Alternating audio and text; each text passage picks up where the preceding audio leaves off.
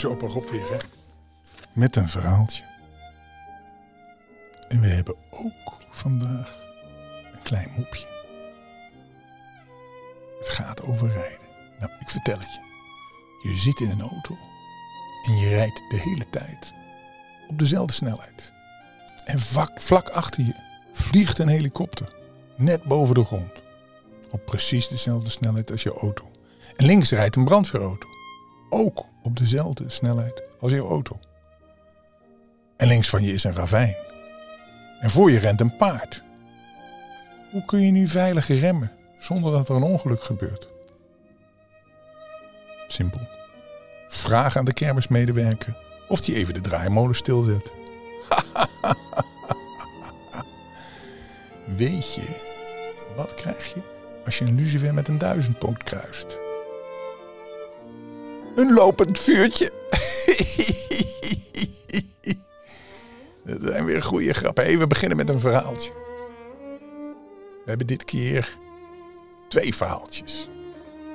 Een heel kleintje en een hele groot. Het kleintje is de kikker. De kikker die even groot wil zijn als de os. Een os stond in de wei te dromen bij een beek en zag hoe daar vlakbij een kikker hem bekeek. Hij was zichtbaar jaloers. Niet groter dan een ei, maar kwakte kwaad. Kijk, kijk, ik word net zo groot als jij. De os sloeg met zijn staart en stond zich te verbazen. De kikker rekte zich en begon zich op te blazen. Hij blies en blies, hield zich even in en vroeg: Is dit geen goed begin? Ben ik op weinig tijd niet reuze aangekomen en de os zei: Boe! En bleef maar voor zich uit staan dromen. De kikker wond zich op, begon met nieuwe moed. Hij voelde alles spannen. Is het nu nog niet goed? Boe, deed de os bedroefd. Het lijkt er niet echt op. Niet groter dan een pad, maar met een dikke kop. Nu werd de kikker woest. Hij duwde, blies en balde. Zijn spieren plots zo hard dat hij aan flarde, knalde. De wereld barst van waan en nijd.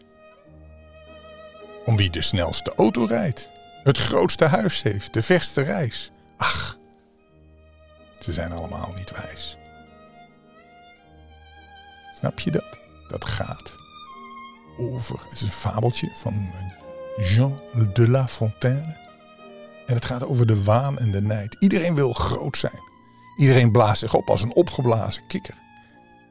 Maar als je je te veel opblaast, dan barst je. En dat is eigenlijk het verhaal. Doe niet zo opgewonden, doe gewoon. Dan doe je gek genoeg. Nou, we hebben ook nog een verhaal over de winter en de lente. Want het wordt bijna lente. Het wordt al lekkerder weer. Het is een Deens sprookje. Het is 27 minuten, dus we doen het in twee keer. Dus eerst een stukje nu en morgen het andere stukje. Het was winter. Een vreselijke sneeuwstorm was het.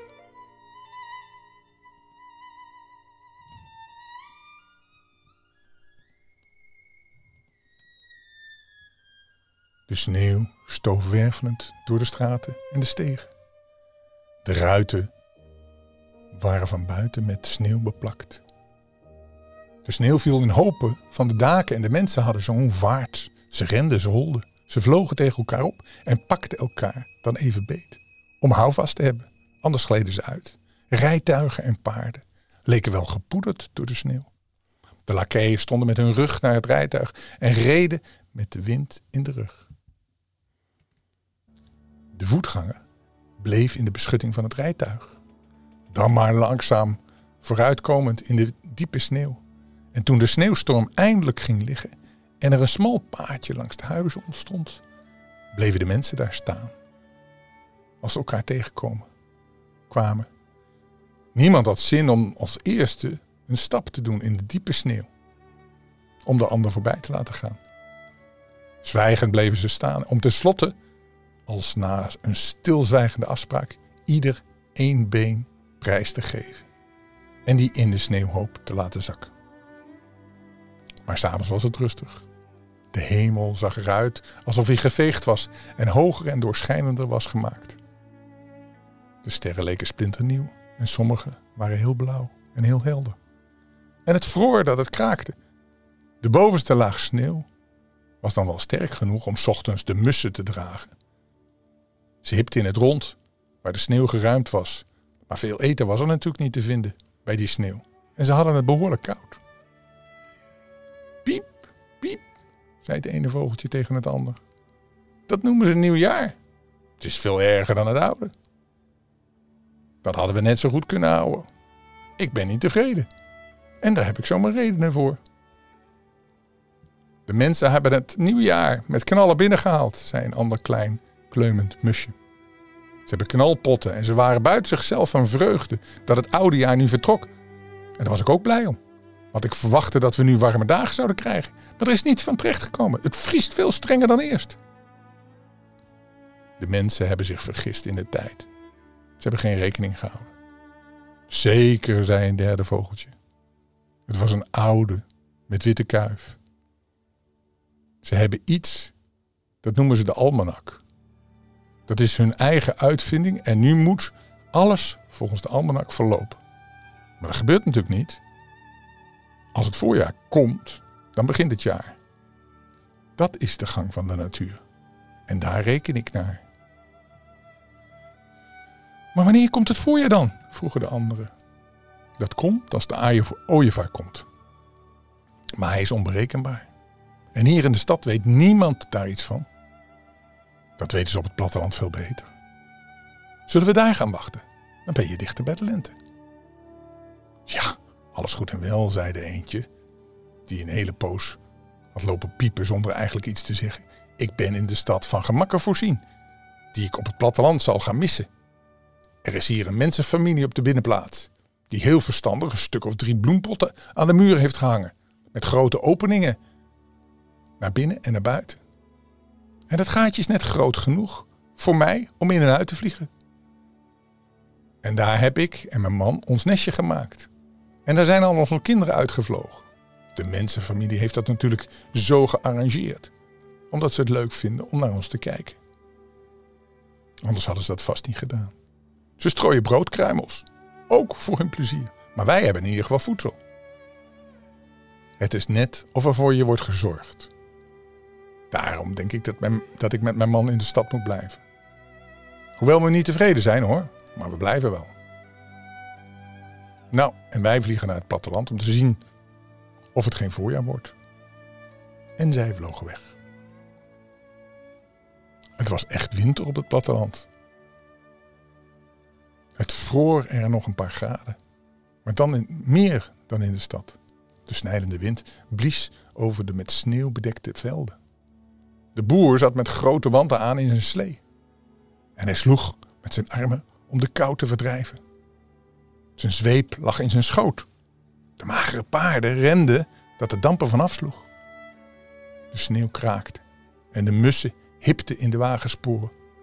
En ze hadden het koud. Piep, piep. Wanneer komt nou die lente? Het duurt zo lang. Zo lang klonk het over de velden van de hoogste met sneeuw bedekte heuvel. Dat zou de echo kunnen zijn. Maar het konden ook de woorden zijn van de vreemde oude man die daar in weer en wind boven op een sneeuwhoop zat. Hij was helemaal wit, als een boer met een witte kiel, van Fries. Met lang wit haar en een witte baard, heel bleek en met grote heldere ogen. Wie is die oude man? vroegen de mussen. Dat weet ik, zei de oude raaf die op een paaltje zat.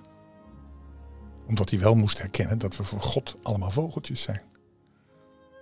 Daarom verwaardigde hij zich om de mussen uitleg te geven. Ik weet wie die oude man is. Het is de winter, de oude man van het vorige jaar. Die is niet dood, zoals de almanak beweert. Hij is de voogd van de nieuwe prins Lente. Die is op komst. Ja, maar de winter regeert nog. Oeh, ja, het kraakt zeker wel in jullie kleintjes. Zeker niet, zei de kleinste. Die almanak is maar een mensenverzinsel. die is niet aan de natuur aangepast. Dat hadden ze aan ons moeten overlaten. We zijn fijner gebouwd. Er ging een week voorbij. Er gingen er bijna twee voorbij. Het bos was zwart. Het was bevroren. Het lag erbij als gestold lood. De wolken. Maar dat waren geen wolken. Dat waren vochtige ijzige nevels die over het land hingen. Grote zwarte kraaien vlogen in zwermen zonder gekrijs. Het deed wel of alles sliep. En daar, daar, gleed een zonnestraaltje over het ven en dat glansde als gesmolten tin. De sneeuwlaag op het veld en op de heuvel glinsterde niet meer zo. Maar de witte gedaante, de winter zelf, zat daar maar, met zijn blik naar het zuiden gewend. Hij merkte helemaal niet dat de sneeuwdek als het ware in de grond zakte. Dat er hier en daar een kleine plek grasgroen tevoorschijn piepte. En dat er ineens veel meer mussen waren. Biet, biet. Komt nu de lente? De lente, klonk het over het veld. En ook door de donkerbruine bossen, waar het mos fris groen op de stammen glom. Door de lucht kwamen uit het zuiden de eerste twee ooievaars aangevlogen. Ze hadden ieder een lief kindje op hun rug. Een jongen en een meisje. Ze kusten de grond ter begroeting. En waar ze hun voeten neerzetten, kwamen er witte bloemen onder de sneeuw vandaan. Hand in hand liepen ze op de oude ijsman de winter af en vielen zich ter begroeting aan zijn borst. En op hetzelfde moment waren ze verdwenen. En met hen het hele landschap, een dikke witte mist, dik, dicht en zwaar, omhulde alles. En even later kwam er weer lucht. De winter vloog weg. Met sterke windvlagen kwam hij de mist verjagen. De zon scheen lekker warm. De winter zelf was verdwenen. De lieve kinderen van de lente zaten op de troon van het jaar. Dat noem ik nou eens nieuwjaar, zeiden de mussen. Nu worden we weer in ons rechten hersteld en krijgen we een schadevergoeding voor die strenge winter. Waarheen die twee kinderen zich ook wenden, er ontbotten aan de struiken en de bomen groene knoppen. Het gras werd hoger en de gezaaide akker werd steeds lieflijker en groener. Het kleine meisje strooide bloemen in het rond. Ze had ze in overvloed in haar rokje. Ze leken daar te groeien. Het bleef vol, hoe vlijtig ze ook strooide. In haar ijver schudde ze een hele sneeuwbui van bloemen over de appels en de persikbomen. En die stonden toen volop in bloei. Nog voordat ze groene bladeren hadden. Ze klapte in haar handen en het jongetje klapte ook. En er kwamen vogeltjes tevoorschijn. Je wist niet waar vandaan. En allemaal kwetterden ze. En ze zongen: De lente is gekomen. Het was prachtig om te zien. Menig oud moedertje kwam in haar deur in de zon staan en rilde even. Ze keek naar de gele bloemen die op het weiland prijkten, net als in, de jonge jaren, in haar jonge jaren. De wereld werd weer jong. Was het vandaag niet heerlijk buiten, zei ze. Het bos was nog bruin-groen, knop aan knop. Maar het lieve vrouw bedstro was uitgekomen. Heel fris en geurig. Er waren viooltjes bij de fleut. Anemoontjes, primula's en sleutelbloemen. In ieder graspiertje zat weer kracht. Het was echt een prachtig tapijt om te zien. En daar zat het jonge paar van de lente. Elkaars hand vast te houden. En dat is altijd in de lente. Je voelt in één keer alles jong. Alles is blij. Alles is mooi. Er is zon. Ze zongen en ze lachten. En ze groeiden steeds meer. Er viel een zacht regentje uit de hemel. Ze merkte het niet. De regeldruppels en de tranen van vreugde werden één. Bruid en bruidegom werden ze. Ze kusten elkaar en op dat moment ontsprong het bos. Toen de zon opkwam, waren alle bossen groen. Hand in hand liep het bruidspaar door de frisse, onder de frisse afhangende takken van bladeren. Waar alleen de stralen van de zon en de slagschaduw afwisseling gaven in het groen.